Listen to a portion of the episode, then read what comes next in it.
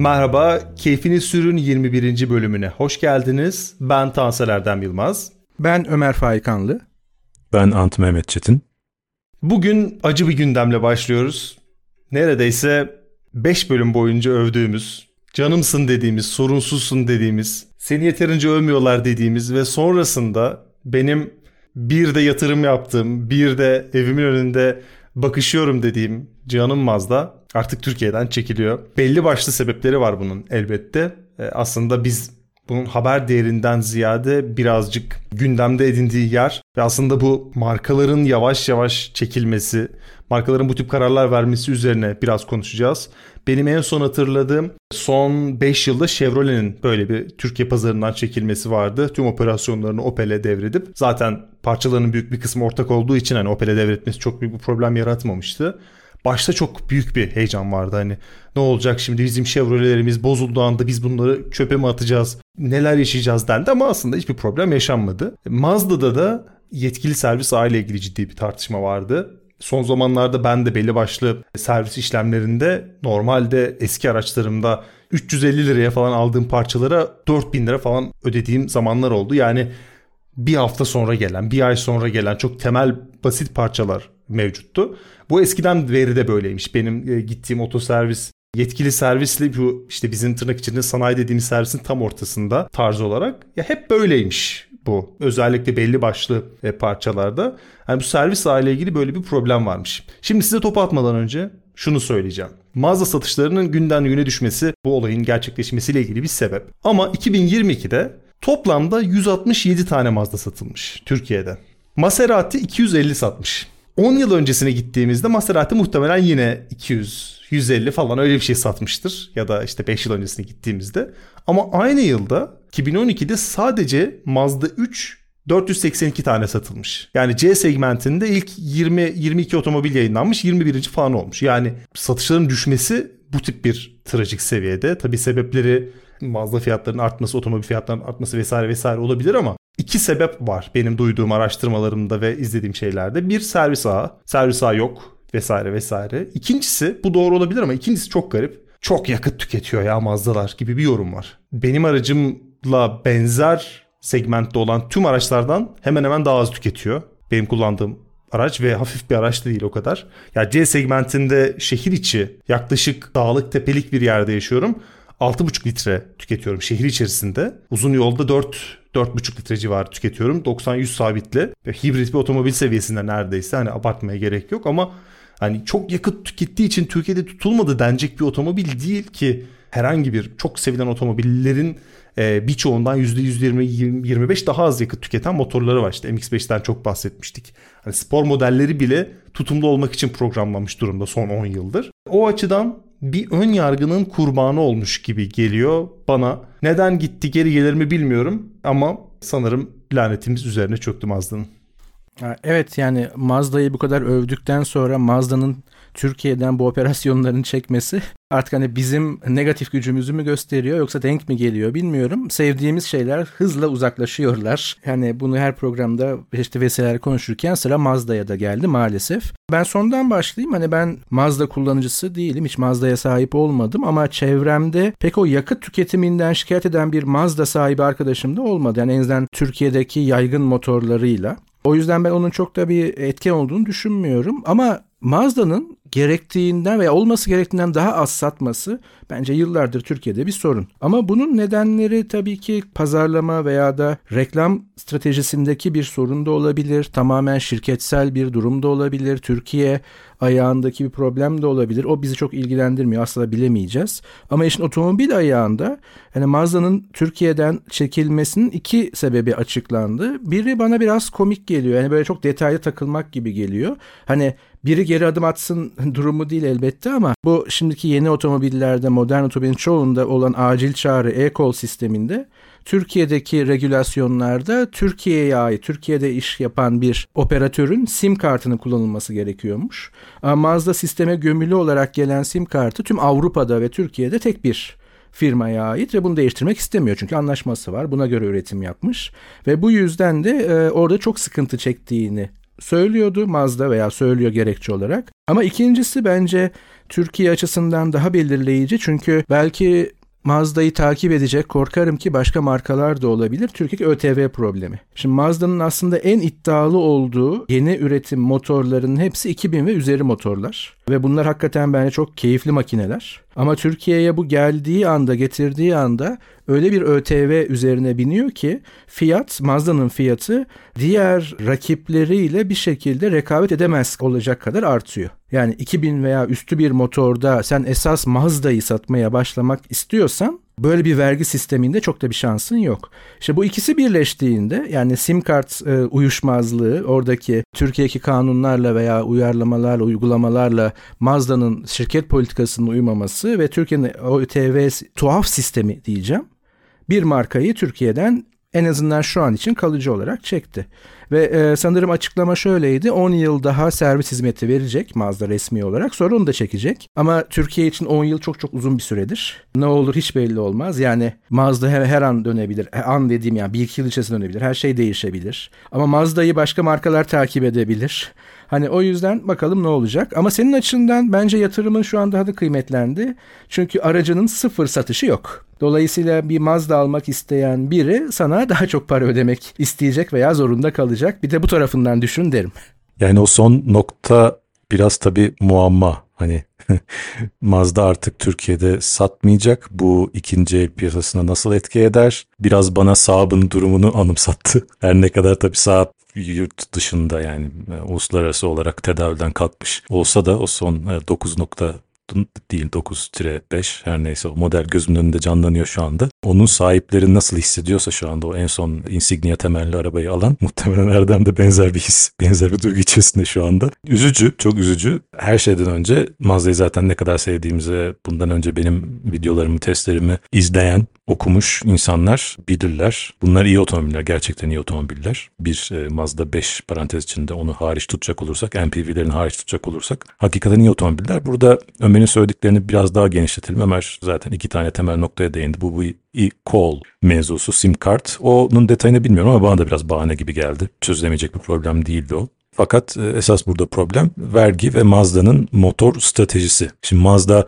atmosferik motorlara çok tabii önem veriyor ve turboya diğer markalar herhalde bütün markalara nazaran aynı sınıftaki aynı segmentteki çok daha geç adım attı. Ve atmosferik motorların biliyorsunuz size reklamlarda ya da işte gazetelerdeki işte köşe reklamlarında efendime söyleyeyim öne çıkan 0-100 verileri bu sürekli teknik özellikleri el üstünde tutuyoruz ve ona göre seçim yapıyoruz ya. E, bunları size sunmuyor atmosferik motorlar. Turbo olması lazım o arabanın ki size işte çok yüksek tork verisi, 0-100 çok düşük 0-100 verisi falan sunabilsin. Bunlar Mazda'larda yok. E şimdi en son nesil Mazda 3 ne kadar iyi bir otomobil olursa olsun arabanın turbo motoru yoktu. Benzinli 1.5 işte 120 beygirlik motorla alıyordunuz ve bu da o segmentteki hemen hemen bütün arabalardan daha size ağır kanlı bir otomobil sunuyordu. E bir de bunun üzerine vergi. Şimdi burada ÖTV mevzusu haricinde bir de Mazda'nın başka bir durumu daha var. Size isterseniz teker teker bu Mazda'nın vergi yükünü bütün otomobiller için geçerli ama Mazda'nın bir de ek vergi yükü var. Onları sayayım size. Şimdi bu adamların halen 1.5 litre motoru var ama o eski nesil 120 beygirlik motor. E artık 2023'ten sonra da e, yeni nesil Mazda 3'te siz 1.5 litre efendime söyleyeyim 120 beygirlik atmosferik 0-100'ü herhalde 11 11 küsur saniye falan diye bir şeydir tahmin ediyorum. O arabayı getirirseniz kolay kolay Türk milleti o arabayı almaz. Bunu getirse bile %80 ÖTV, %18 KDV. Peki 2 litresi var ama o da turbo değil. Çok güzel bir 2 litresi var. 2 litre motoru var. E, ama o da ya zaten 2 litreye çıktığınız andan itibaren şansınız maalesef neredeyse ortadan kalkıyor. Çünkü neden? ÖTV %150'ye çıkıyor. Artı %18 KDV. Şimdi Mazda'nın yeni Mazda 3 en çok Mazda 3'ten tabii bahsediyoruz. Çünkü en çok satan arabası oydu diye hatırlıyorum muhtemelen. Tabii bir de öyle bir de bir durum var. Yani bu CX-5 ve CX-3 ve işte Kolombiya'da bir sürü CX-50 var, CX-30 var. Efendime söyleyeyim bunların 1.5, 1.6 turbo motorla gelmiş olsaydı daha doğrusu üretiliyor olsaydı ki üretilmiyor Mazda'nın böyle bir motor seçeneği yok. Aslında Türkiye'de çok büyük şansı halen olurdu ama yok. Yani SUV'u var bu adamların fakat motor yok. Türkiye uygun motor yok. 2,5 litreye çıkmanız lazım. Mazda'nın ha- hakikaten güzel motorlarına ulaşmak için. Hem Skyactiv G hem de şimdi yeni bir turbo çıkardılar. 230 beygirlik e, canavar gibi motor ama 2,5 litre. Peki ÖTV nedir? %220. 2 litrenin üzerinde biliyorsunuz ÖTV %220, %18 KDV. Bütün bunlar yetmiyormuş gibi bir de Türkiye'de Avrupa Birliği'nden gelmeyen otomobillere ek %10 vergi daha var. Japon markalar arasında bir bu Mazda Türkiye'de geçerli bu vergi yükünü sırtlamak zorunda kalan bir de Subaru. Bunların çünkü Avrupa'da üretimi yok. Bunlar Japonya'da üretiliyor. Japonya'dan geliyor. O yüzden bütün bu saydığımız ÖTV KDV'lerin üzerinde bir de %10 vergi yükü var bunların. Şimdi e, motor seçenekleri bu olunca vergi yükü de bu olunca başka da e, ek olmuş efendime söyleyeyim çok yakıyormuş bilmem ne bunlar mazeret yani bunlar fasafiso. Dolayısıyla problem burada bizim vergi sistemimiz ve Mazda'nın motor seçeneklerinin bu vergi sistemine uyumsuzluğu. Şartlar ne kadar iyi olursa olsun ya da ne kadar iyi otomobil üretiyor olursanız olun benzer segmentte bir otomobilden hem %10 daha verimsiz bir motor sunuyorsunuz hem de %10 daha pahalıya sunuyorsunuz. Hani otomobilin aslında işte yaklaşık bir otomobil almanın 80-90 maaşa tekabül ettiği ortalama bir ülkede yani 80-90 maaştan artırarak alınabildiği bir ülkede aslında o %10'lar e, biriktiğinde çok fazla e, şey ifade ediyor insanlar için. Bir de bu e, yıllarca oluşan imaj, yıllarca oluşan işte bu parçası çok pahalı, bir şeylerini bulmak çok zor e, imajı aslında e, iyice insanları itiyor ve şey de oluşuyor aslında orada. Piyasada genişlemediği için markanın atılım yapma durumu da ortaya çıkmıyor. Yani birbirini sürekli besliyor. Bir şey alınmadığı için onun işte servis ağı genişlemiyor. Servis ağı genişlemediği için insanlar almıyor. İnsanlar almadığı için servis ağı yine genişlemiyor. Daralıyor sürekli. Ve günün sonunda aslında e, bu CX serisinin Türkiye'de ben e, birkaç versiyonunu görmüştüm. Yani e, gittiğim serviste şey vardı mesela. Bulgaristan'dan gelen bir versiyonu vardı. 2.4 litre miydi hatırlamıyorum tam ama e, gerçekten canavar gibi bir motoru vardı. Yani e, koskocaman bir e, SUV ama e, müthiş atikti. Ama açıkçası e, Türkiye'ye hitap edecek bir otomobil değildi o SUV'ler. CX-6 olması lazım. Bir kontrol edeyim. CX-6 var mı diye bakayım bir.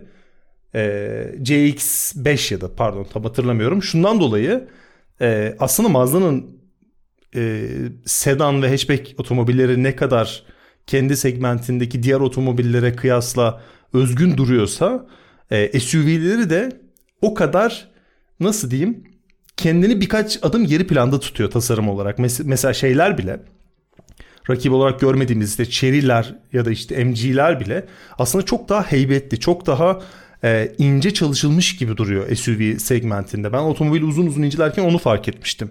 Hani bir kalıp olarak çıkmış otomobil.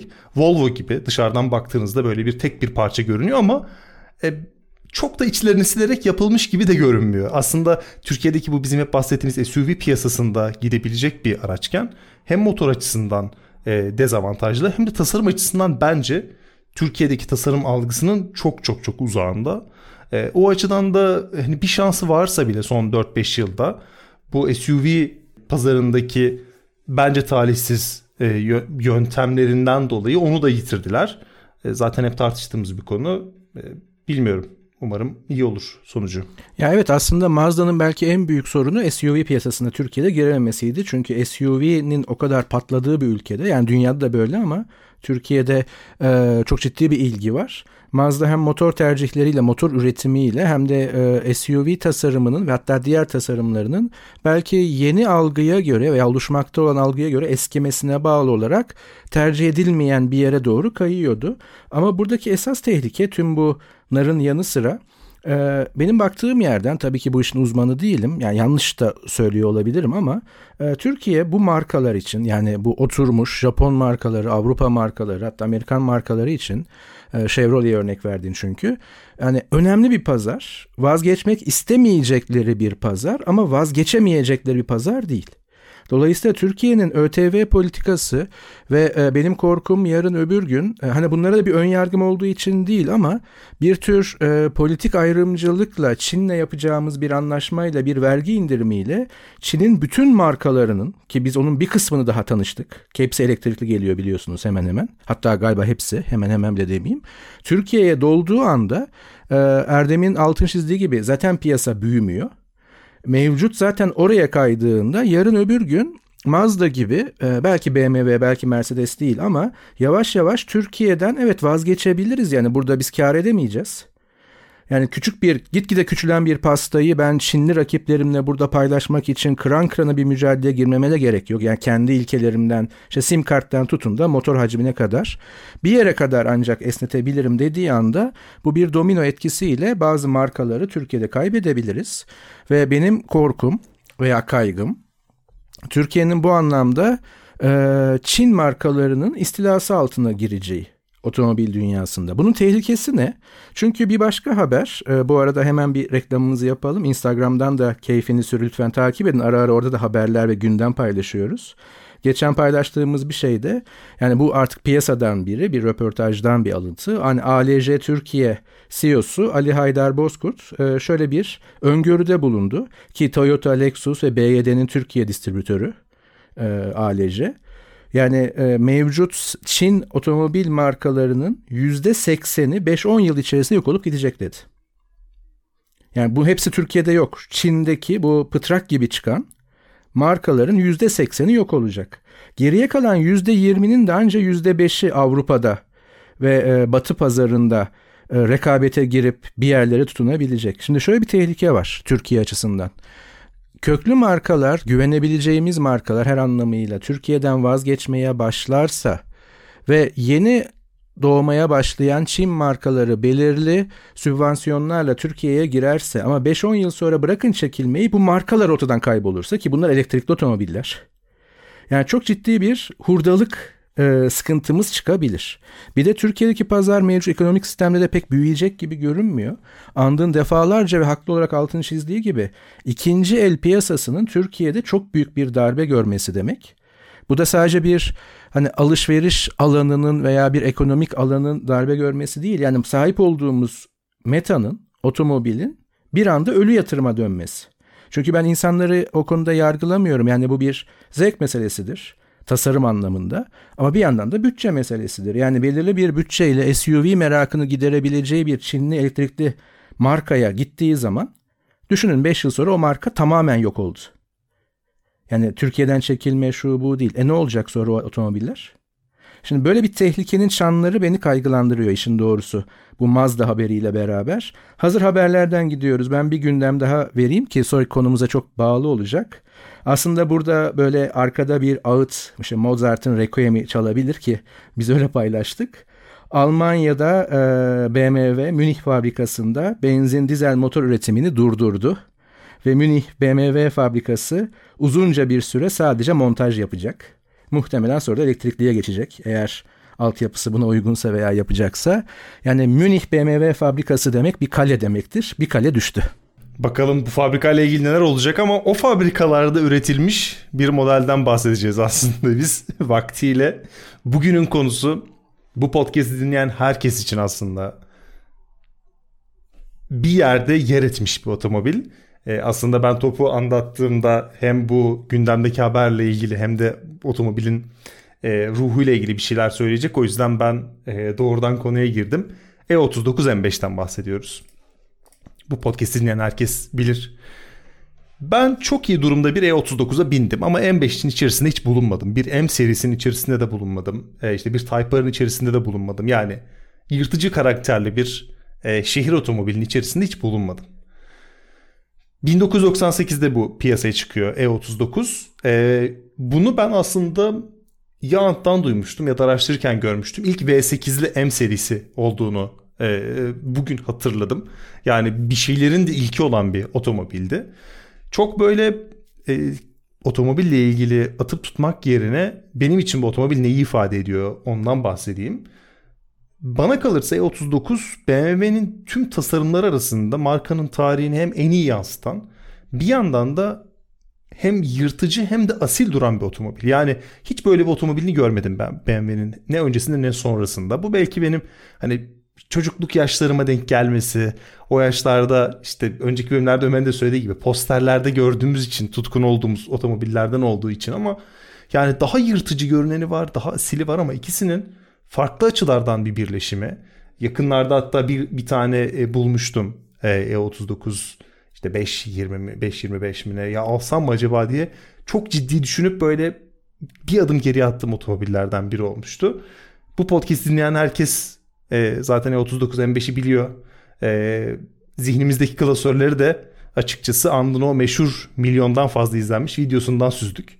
E, müziğin o sesini yükseltip tekerlerin o asfaltta dans ettiği sahneyi böyle ara ara açıp izlerim. Videonun altında da hep şey yazarlar. Aga be şu ana bak falan diye. E, çok şey bir andır. Nasıl diyeyim? Ecnebi'nin intense dediği bir andır. E, bir de şu var. Burada ben anda kızıyorum. Türkiye 39 M5 piyasasının bugün böyle olmasının sebeplerinden biri sensin abi. Bunu yaptın. Şu an bu otomobiller 2,5 milyon liraya satılıyor. Belki böyle yapmasaydın bilmiyorum. 2 milyon 200 bine satılırdı bilmiyorum. Ee, yani şeyi hemen söyleyeyim biraz araya parantez açacağım ama e, şimdi fark edenler var. Biraz önce size de paylaştım. Podcast'imiz hani yeni sezonunda 50 dakikaya kadar uzuyor. Yani biraz uzattık. Bence keyifli de oldu. Şimdi burada biz sussak Erdem ve ben e, geri kalan aşağı yukarı 20-25 dakika andı. Keyifle dinleriz çünkü o bir tecrübe bizle paylaşacak o konuda. Ama ben işte E39 yani bu podcast'i dinliyorsak Ömer lütfen bize hakaret etme diyen dinleyicilerimizden özür dileyerek bir kasa kodu. Hani bilmeyenler olabilir ama efsane olduğu için E39 ön çok ön planda. Dediğin gibi 95-2004 arası üretildi.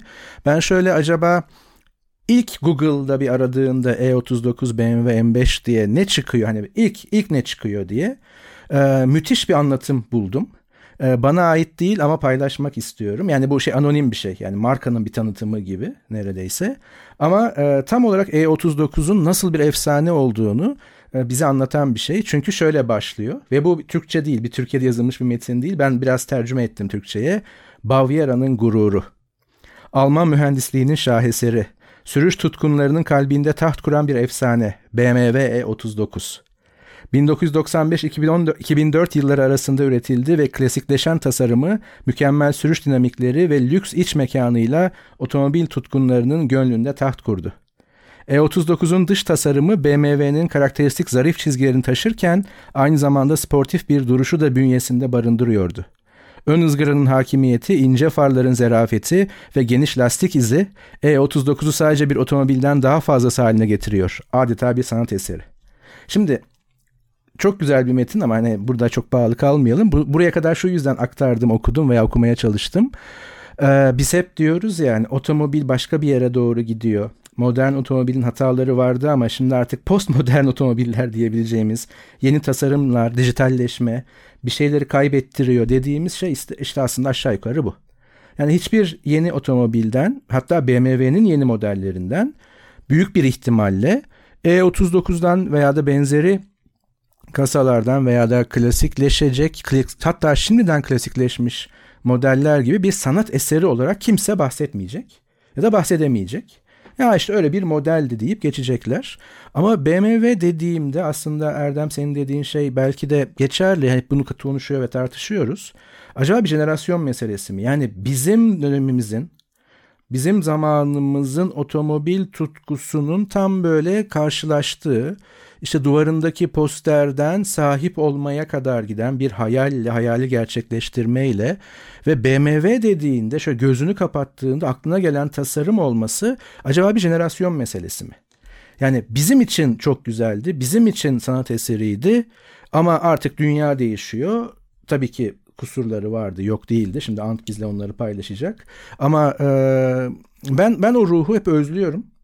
Yani ben şu anda öyle bir hep diyorum ya hayali bir garaj, hayali bir garaj veya realize etmeyi bir gün planladığım olabilecekler garajında E39 kasayı mutlaka edinmek isterim. Ama tabii artık ne kadar temiz, ne kadar fiyatı ve ederi karşılığında bulunabilir Türkiye şartlarında çok mümkün değil gibi görünüyor. Ee, benim ön söyleyeceklerim bunlar. Bundan sonra 25 dakika keyifle ben de andı dinleyebilirim. Yani Erdem o 2,5 milyon liraya satılıyor vesaire piyasa coştu. Ee, o arabaları alan kim bilmiyorum ama ben benim arabayı 9 ay satamadım. Şubat ayında 2017'nin Şubat'ında galiba e, satışa koymuştum. Sonra Ekim'de Kasım'da çok çok yani o zaman parasına göre çok komik bir paraya satmak zorunda kaldım. Çünkü yurt dışına e, çıkacaktım. E, çok ucuza gitti. Alanda çıkmadı. yani bu arabalar tabi bazen piyasadaki fiyatları sürekli yükselen o çılgın rakamları görünce zannediyoruz ki demek ki kapış kapış gidiyor bu arabalar ama böyle bir şey yok. Yani bu arabaların e, alıcı kitlesi gerçekten sınırlı. E, arabanın özelliğine gelince şimdi şeyi çok düşündüm ben. Ee, bu 90'ların sonu 2000'lerin başı diyoruz. Hep o zamanlar üretilen otomobillerin ne kadar bizim için daha özel bir yeri olduğunu, daha basitçe açıkçası daha iyi olduğunu yani ondan öncekilerden ve özellikle şu andakilerden e, bunu düşünüyoruz. Bunu e, savunuyoruz. Yani bu bizim neslimizle alakalı bir şey mi? Aynen Ömer gibi ben de bunu çok sordum kendime. Ama baktığınız zaman E39 M5'in heveslileri, aşıkları nesil tanımıyor. Yani ben 39 yaşındayım. 19 yaşında çocuk da bu arabaya aşık. 29'undaki de aşık. 39'da 49'da bu arabaya aşık. Şimdi bazı şeyler o kadar göreceli değil. Özellikle biz tasarımı zaman zaman konuşuyoruz. Konuşurken de ben rahatsızlık duyuyorum. Çünkü hep bir yandan diyoruz ki sübjektif bir konu. O kadar da sübjektif değil. Yani bu arabanın iyiliği, bu arabanın özelliği e, nesil tanımıyor. Yani 7'den 70'e herkes bu arabaya aşık. E demek ki BMW bir şeyleri gerçekten çok doğru yapmış ve özellikle tasarım konusu o kadar da göreceli bir konu değil. Yani E39'u herhangi bir E39'u doğru düzgün jantlarla özellikle ve işte en paket olsun olmasın olmasa bile zarif bir araba bence. Olsun, olduğu zaman daha sportif oluyor vesaire. Yolda görüp de ay bu çirkin ne hani belki biraz demoda veya eski diyenler olabilir ama ne çirkin şey bu diyebilecek bir insan tanıyor musunuz? Yok. Yani o kadar da göreceli değil. Şimdi Ha tabii bizim neslimizin otomobili ve kahramanı dediğimiz zaman herhalde hepimizin aklına e, 1900 tabii 98-99 ilk e, ilk üretildiği senelerde NTV'de akşam 7'de haberlerden sanırım bir dakika önce haberler girmeden önce akşam haberleri girmeden önce o meşhur çöldeki o e, roket simsi işte hız rekoru kıran şeyler var ya tuhaf arabalar var ya Onların bir tanesini çekerken, çekerken ki M5'in o kısacık top hepi top herhalde bir dakikaya 30 saniyelik bir reklam. O efsanevi reklam. İçin ben Çeşme'de e, işte arkadaşlarımla o sırada futbol mu oynuyorum, basketbol mu oynuyorum ne yapıyorsam veya denizde yüzüyor muyum bırakırım. Ne, ne, ne, ne işle meşgulsem o sırada bırakır. Saat 7'de yani 18.59'da televizyonun başına geçer o reklamı izlerdim. Çünkü fixti o reklamın saati, dakikası. O reklam oradaydı her gün. Ve benim için günün en güzel, en özel zamanlarından bir tanesiydi o. Şimdi ya böyle büyüdüğün zaman artı e, çok nadirdir. İnanılmaz nadirdir. Bu kadar kağıt üzerinde, kağıt değil esasında duvar üzerinde, e, o astığın posterler üzerinde senin bu kadar hayranlık duyduğun bir otomobilin kullanım esnasında da çok büyük oranda o çok aşırı beklentilerini karşılamış olması. Ama E39 M5 bunu yapabilen bir otomobil. İnanılır gibi değil. İlk bindiğimde tabii Clio RS ondan önce Clio RS'ten geçtiğim için bayağı ağır hissettirmişti. E, bayağı bayağı ağır hissettirmişti. Hani biri 1000 kilo öbürü 3000 kilo falan gibi hissettirmişti neredeyse. 1780 kilo civarı bir otomobil. E, ama tabii o ilk anki e, ağırlık zamanla e, yerini e, çok farklı, çok başka duygulara bırakıyor. Yani ağırlığına bir yandan alışıyorsunuz. Hiçbir zaman hafif hissettiren bir otomobil değil. E, ama e, ağırlık, o içi yani o ağırlığın substantial ne kadar içinin dolu olduğunu ve ne kadar aslında fonksiyonel olduğunu ve aslında arabanın zamanına göre özellikle o ağırlığı kontrol etmekte ne kadar becerikli olduğunu tabii kullandıkça, limitlerine ulaştıkça fark ediyorsunuz. Ee, şimdi burada E39 M5'ten konuşurken önce E39'dan konuşmak lazım. Yani çok nadirdir. Mesela Renault Clio RS veya Megane RS'ler muhteşem otomobillerdir. Son nesilleri hariç tutacak olursak eğer. Fakat bu otomobiller genellikle standart haliyle o kadar da muhteşem arabalar değildir.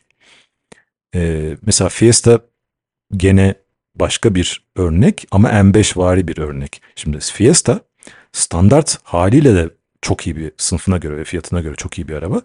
SD'sine gittiğin zaman da çok iyi bir araba. Çok iyi bir spor otomobil. E39 da böyle. Şimdi hem en baz versiyonuyla bu kadar şaşalı bir otomobil, bu kadar özel bir otomobil. O 520 bile alsanız sıralı altılı. Hani araba bir yere gitmiyor ama o çıkardığı ses, o motorun ipeksi bir şekilde devirlenmesi ve o çıkardığı yani e, hani o duygu hakikaten başka hiçbir otomobil de e, BMW'nin o zamanlarda ürettiği işte 7 serisi belki yine 6 silindirli 7 serileri olabilir. Bir nebze 3 serileri olabilir. Onlar haricinde başka hiçbir otomobilin vermediği bir his.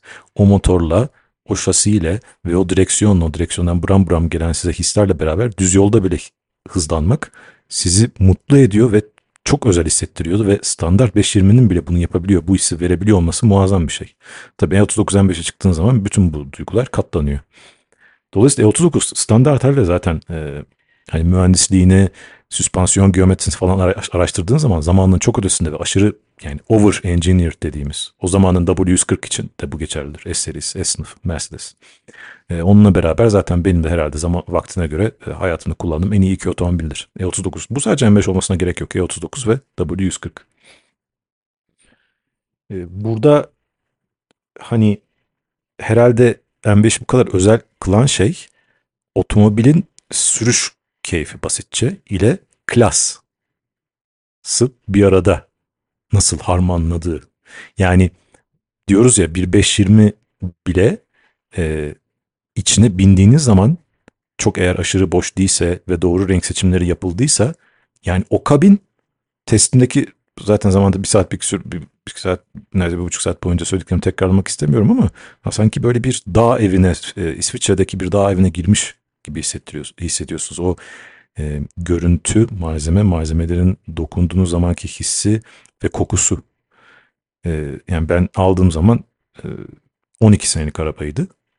E, ben sattığım zaman da işte 15, 16-17 e, senelik arabaydı neyse. E, ve o koku hala orada duruyordu.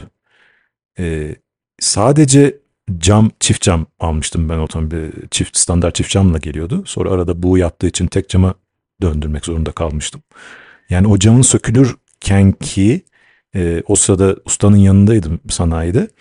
E, sökülürken kapının katmanları, kat, o ve kapının kaplaması üzerinde kullandıkları malzemeler ve onları tek tek usta sökerken baktığınız zaman inanamıyorsunuz. Yani modern otomobillerde kullanılan malzeme kalitesi ve işçilik ve özenle o zamanın ki sadece bu, bu E39 için değil çoğu 90'lardaki özellikle Alman otomobilleri BMW'ler Mercedesler için geçerlidir. Hani akıl alır gibi değil. Akıl alır gibi değil. Ya bir tanesi diyoruz ya hep sonraki nesillere aynı bir işte pahalı lüks saat gibi. Hani Patek Philippe'in de vardır ya böyle bir reklamı. Sonraki nesillere aktarılacak bir sanat eseri üretmek için yola çıkmışlar ve bunu başarmışlar. Şimdikiler yalnızca 3 sene 5 sene sonra çöpe atılacak. Tüketim malzemesi, sarf malzemesi üretiyorlar otomobil yerine. Aradaki fark bu. Çok enteresan bir şekilde aşağı yukarı aynı parayı veriyoruz ama. Senin bu sanayiye gidip e, araçla ilgili şeyleri tamir ettirdiğin dönemde e, videolarda mesela şöyle yorumlar vardı. Ya sen oraya özenle götürüyorsun ama usta çok hoyrat davranıyor. Yani aslında şey bile hissediliyor. Yani e, bu işin uzaktan bakanı ya da otomobilden anlamayanından ziyade aslında onun kıymetini çoğu zaman şey de vermiyor. Otomobilden anlayan, otomobil ilgilenen kişi de vermiyor. Yani onun için de eski bir otomobilden ibaret ve o ruhu herkes yakalayamayabiliyor.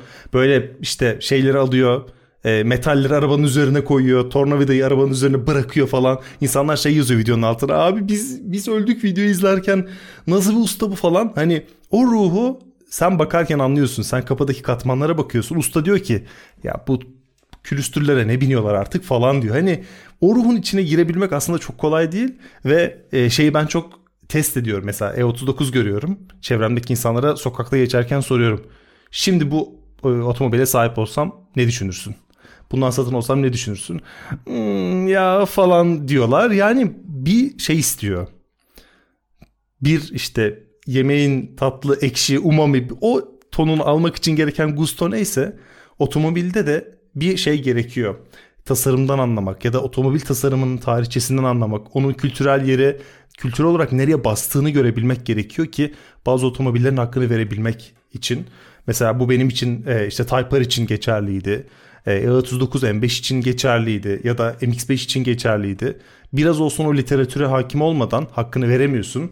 Tıpkı e, işte Star Wars sevenler için. Star Wars izleyip geçersin bir uzay filmi dersin. Ama onun ne kadar derinliğe inersen kendinden bir şeyler bulursun. Tıpkı onun gibi geliyor. Ee, benim için E39'a dair en ilginç şey şuydu. Muhtemelen sürmedim ve sürmeyeceğim. Öyle bir şansım olmayacak gibi görün yakın zamanda. Az önce fiyatlarına bakıyordum. Hani 20-22 taklı at arası atmış olanlar 1 milyon civarında. Otomobilin şöyle güzel bir anı vardı Sen e, işte muhtemelen şeyde darlıkta sürerken böyle bir yokuş yukarı çıkarken birinci viteste çok az bir eforla otomobilin böyle arkasını bıraktırıyorsun. Yani şey gibi yukarıdan böyle oyuncak arabayla oynar ya çocuklar. Sanki böyle oyuncak arabayla biri onunla oynuyormuş gibi hissettiriyordu. O kadar az eforla o kadar çok şey yapabiliyor olması haddinden fazla güçlü olduğunu düşündürmüştü ve hep şey dedim. Umarım sahip olmam. Çünkü bu kadar güce sahip olmak hiç iyi bir his olmamalı.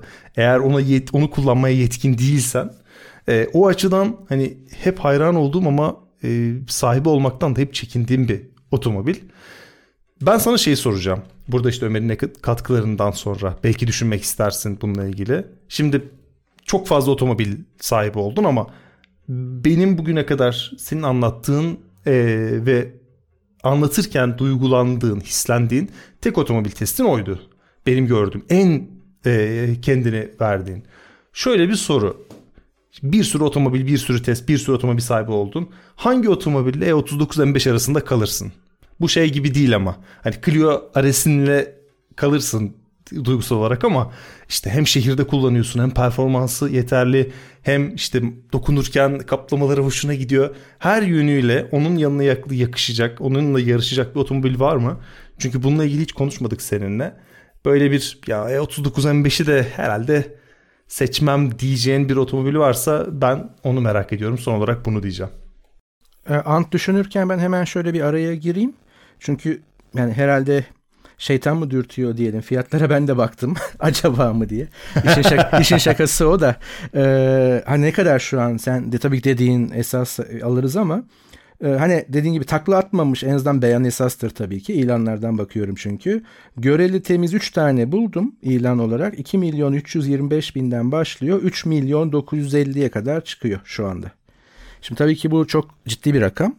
Ve e, otomobil zevkini dışarıda bıraktığımız zaman, özel tutkuyu dışarıda bıraktığımız zaman çoğu insan tırnak içerisinde rasyonel olarak yani en tepeden alayım 3 milyon 950 bin lira 2000 e, bu kaç model 2003 model E39 M5 alacağıma diye bir cümle kurabilir rahatlıkla. Ve çevresi de bunu makul olarak karşılar. Ama dediğimiz gibi ben hala yani şu anda fotoğrafına bakıyorum. Hani podcast'te bu nasıl ifade edilebilir bilmiyorum ama yani anda katılıyorum. Ben aslında biraz e, provokatif bir soru olsun diye gündeme getirmiştim. Belki bizim neslimizin mi diye. Ya bu araba hala çok yakışıklı. Hani tüm o dinamikleri, şunları bunları geçiyorum ve e, Erdem'i belki şöyle revize edebilirim veya katkı sunabilirim. Bence aklı başında, tırnak içerisinde yine herhangi biri, biri ise yanımızdaki E39 M5 böyle temiz bir E39 M5 yanımızdan geçiyor. Ee, bak bunu alır mısın nasıl bir şey dediğimizde bence tasarımı ile ilgili çok büyük problemi olmaz. Sadece hepimizin zaman zaman şu anda içine düştüğümüz e, dijital şımarıklığına kapılabilir. Yani içeride yeterince oyuncak yok. Hani biraz daha bir ekran olsaydı işte şu olsaydı bu olsaydı en fazla bunu söyleyebilir. Çünkü hakikaten bu tasarımı yani BMW bile üzerine çıkamadı. Yani bu modelin üreticisi bu tasarımın üzerine çıkamadı. Hatta gittiği yer biraz da kötü bir yer. Ee, ama hemen aklıma şey geldi. Sen bu karşılaştırma yaparken ve Ant şimdi belki de buna muadil bir otomobil bize söyleyecek veya belki de yok diyecek ama e, yine ben biraz melankoliyle beraber nostalji yapayım. Şimdi de var ama Star Wars mu Star Trek mi jenerasyonu? İşte BMW Mercedes mi'nin karşılığı veya böyle e, sinematik üniversite, sinematik evren kurmadan öncesinde çizgi romanlar zamanında ilgisi olanlar için DC mi Marvel mı tartışmasına benzer kaliteli bir rekabetti. BMW mi Mercedes mi? İşte M5 mi e, e, E'nin işte üst modelleri mi gibi. Bu, bu keyifli bir zamandı. Ben şimdi böyle bir karşılaştırma tabii ki yaptığımız pek çok şey var ama o keyifle yaptığımızı düşünmüyorum. Evet anda dinleyelim. Yani burada E39 M5'i kıyaslayabileceğiniz çok fazla araba yok. Yani var tabii yani o zaman işte E55 AMG'si var, Jaguar XJR, Audi RS6 vesaire var da e, bir önceliklerimiz eğer yani öncelikler de aslında gidip hani dört çeker bana şart demediğiniz sürece e, çok da fazla E39 M5'lerin o senelerden e, tercih edebileceğiniz pek araba yok. Ben ondan 55 AMG'yi kullandım. Epey uzun bir süre kullandım. E, ama kullandığım araba 2000 Yani aslında o kasa yani 39'un direkt rakibi değil ondan bir sonraki yani 2005 model 2006 model falan da ondan bir sonraki nesille tekabül ediyordu ki bir sonraki nesil olmasına rağmen E39 M5'te direkt olarak karşılaştırılabilecek bir otomobildi. Zaten o zaman BMW'lerinde öyle bir durum vardı yani mesela 3 serisini o zamanın direkt rakibi C, C sınıfıyla Mercedes C sınıfıyla değil de bir sonraki C sınıfıyla falan karşılaştırabiliyordunuz ancak. Ancak o zaman e, birbirlerine denk geliyorlardı. Çok iyiydi çünkü BMW'ler. E, 55 AMG de bu arada muhteşem bir otomobildi. Hiçbir şey söyleyemem ona ama limitlerde kullandığınız zaman, efendime söyleyeyim limitlerdeki ayarlanabilirlik ve e, genel olarak sürüş hisleri, organik sürüş hisleri bakımından karşılaştırılacak gibi değildi yani. Ve bütün zamanlara baktığımız zaman gene eğer E39 M5 haricinde spor sedan ne alırdın veya ne düşünürdün, göz önünde bulundurdun diyecek olursanız iki tane araba göze çarpıyor. W212 bu 2014-2015 o zamanın Mercedes E serisi.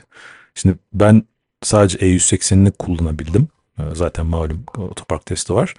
Ee, ben arabaya bayılmıştım. Harika bir arabaydı. Muhteşem bir arabaydı ve bildiğim kadarıyla E63'te bir o kadar iyi bir otomobil. Ben o arabanın E63 AMG'sini çok merak ediyorum. Tüm zamanların spor sedanlar listemde en ilk üçtedir. Hiç kullanmamış olmama rağmen. Yani demin dedik ya eğer baz versiyonu o kadar iyiyse yani E63 AMG zaten biliyoruz ki motoru muhteşem, mu muazzam bir motora sahip. E, kötü olamaz. e, bununla beraber bir M5'in muadili gene başka bir M5 oluyor genelde. O da M5 CS. Bu şu andaki en son çıkan değil bir önceki kasa G kaçtı? G30 muydu? G30 galiba. Bir önceki kasa 5 serisinin CS modeli. E, BMW maalesef e, şöyle bir şey yapıyor. M çıkartıyor. M3, M5 çıkartıyor. İlk çıktığında vasat otomobiller oluyor. Ama sonra bunun efendime söyleyeyim competition'ıydı, competition plus'ıydı, CS'iydi, bilmem nesiydi diye diye en son nihai versiyonu adam akıllı gerçekten olması gereken bir otomobil oluyor ama o zaman da fiyatı iki katına çıkıyor ve sınırlı üretim falan oluyor. Kimse de alamıyor. Öyle problem var ama M5 CS gerçekten e, saygı duyduğum otomobil gazetecilerinin öve öve bitiremediği bir otomobil. E39 M5'in de herhalde muadili olarak olsa olsa o olurdu diye tahmin ediyorum. Şimdi burada evet her şey çok güzel buraya kadar ama e, belki çok da fazla başkaları tarafından ya da bizzat benim tarafından dile getirilmemiş bir takım eksileri, bir takım kusurları var bu otomobilin ve mutlaka söylemek, saymak lazım. Yani e, ben bugün geriye dönüp baktığım zaman ikinci bir, bir defa tekrardan 39 M5 almazdım. E, bunun tabii belli başlı sebepleri var. Mesela sık sık düşünmüşümdür. Ee, aynı 2002 Clio RS bir önceki arabam. Tekrar hani ucuza temiz bir şey bulsam da alsam tekrar o he- heyecanı zevki yaşasam diye. E 39 M5'te bu geçerli değil. Neden? Şimdi eksilerimiz. Çoğunu zaten testte söylemiştim ama bu arabanın düz vitesi güzel, iyi bir düz vites değil. Bu arabanın düz vitesi Tamam düz vites. hani 5 litre V8'imiz var. Ee, bir de üzerine düz vites. Daha ne istersin ama şimdi düz vites iyi olmadığı zaman e, o kadar da e, şey olmuyor. Nasıl söyleyeyim size? Sizi tatmin etmiyor o düz vitesin kullanımı açısından. Çünkü düz vitesin kullanımını tatmin edilmesi için o Japon özellikle Type R'ların veya MX-5'in falan gibi takır tukur böyle hunharca o vitesi değiştirebilmeniz lazım. Ve bu esnada o hareketin kısa ve sağlam ve sıkı ve güven verici olması lazım ki Hah, düz vites kullanıyorum diyebilirsiniz e, ve bu zevki alabilirsiniz. E, M5'in vitesi öyle değil. Hem uzun hem de laçka. Ama oranları iyi. Oranlar bakımından problem yok. İkincisi pistte çok yumuşak kalıyor. Ee, çok fazla yatıyor. O zaman süspansiyon teknolojisi belli zaten. Malum e, hani ayarlı süspansiyon, havalı süspansiyon bilmem ne yok bu arabada. Yolda harikulade hiçbir problem yok ama pistte onun üzerinden 10'a 11'e çıktığınız zaman gerçekten e, çok yatıyor. Yani çok piste hiç uygun bir araba değil. E, zaten bunu yapmak isteyen insanlar da mutlaka KW vesaire süspansiyonlarını değiştiriyorlar. kırılgan bir otomobil aldığınız zaman bir 39 M5'i gönül rahatlığıyla binmeniz e, ve tabiri caizse gazlamanız mümkün değil. Eğer e, son 5-10 bin kilometrede zaten hali hazırda yatakları değişmediyse, motor yapılmadıysa, hassas bir motoru var. E, hele hele 100 bin, 150 bin, 200 bin üzerindeki bir M5'i ve dediğim gibi son zamanlarda güvenilir biri tarafından, usta tarafından motor rektifiye edilmemiş bir M5'i gönül rahatlığı alıp da kullanmak kolay değil. Zaten yağ tüketiminden bunu anlıyorsunuz. Acayip yağ tüketiyor. Normalde de zaten bayağı yağ yakan bir araba. Ee, bitmek üzereyken de Böyle yaklaşık herhalde 600-700 kilometrede falan 1 litreye kadar yağ eksilten bir otomobil. El freni tutmuyor. Ustadan usta yani 4 tane 5 tane farklı usta gezdim bununla alakalı. Ama e, bu arabanın el freni tutmuyor. Yokuşta bir E39 M5 muhtemelen yani bu araba böyleyse bütün E39'larda problem vardır. E, ama hepsi tabii otomatik olduğu için çoğunlukla e, herhalde sahipleri bu şeyi yaşamıyorlardır P'de bıraktıkları için. E, boşta bırakamıyorsunuz. Boşta yokuş aşağı ya da yokuş yukarı bu arabayı el freninin sonuna kadar yani iki elinizde böyle hunharca sonuna kadar çekseniz bile araba kayıyor. Mutlaka vitesi tutmanız lazım. E, bu sadece hani yokuşta bırakma konusunda değil. Bir İstanbul'un bazı yerlerinde sadece İstanbul'da Türkiye'de bir sürü yerlerde çok dik yokuşlar var. Dik yokuşlarda dur kalk trafiğe eğer denk gelecek olursanız bir kabus. El freni tutmuyor bir. Araba zaten manuel malum. İki çok güçlü, çok tork var. Biraz fazla gaz verdiğin zaman da patinaja kalıyor. Yani ben hayatımın en e, soğuk terlerini bu arabayla 39 15'li e, trafikte özellikle yokuş yukarı yokuş, yokuş aşağı problem yok da yokuş yukarı kaldığım zamanlarda yaşadım. E, bunlar tabii testlerde anlatılan şeyler değil ama böyle bir problem var arabanın. Aşırı ısınıyor. Aşırı ısınıyor. Yani motor zaten çok büyük. Nükleer reaktör gibi 5 litre kocaman motor var. Ee, ve trafikte ve sıcak havada bu arabayla öyle hani demin Ömer'le konuştuk yayından önce 15 dakikalık yol 45 dakikada gitti diye.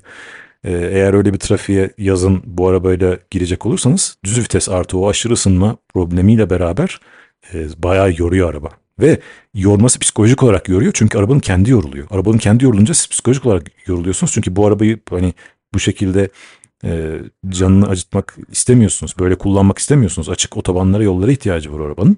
E, bir trafiğe giriyorsunuz ama dur kalk dur kalk dur kalk. E, hararet yapıyor demeyeyim ama o ön kaputun altından yayılan o sanki fırını açmışsınız da yüzünüzü işte iki saattir açık fırını tutmuşsunuz gibi şey vardır ya o har. Onu hissediyorsunuz yani. Camları kapatamıyorsunuz. Ondan sonra kapatırsanız işte klima vesaire falan derken yani günlük kullanımda bazen insanların hiç gözün önünde bulundurmadığı konularda e, çok zorluyor e, sahibini M5. Son olarak bu arabanın motoru temelde bir 540 motoru. E, diğer M modellerinde değerlen karşılaştırdığınız zaman sıradan bir motor. E, ben hep şunu söylerim. E, en son Z4 Coupe 3.0 SI vardı.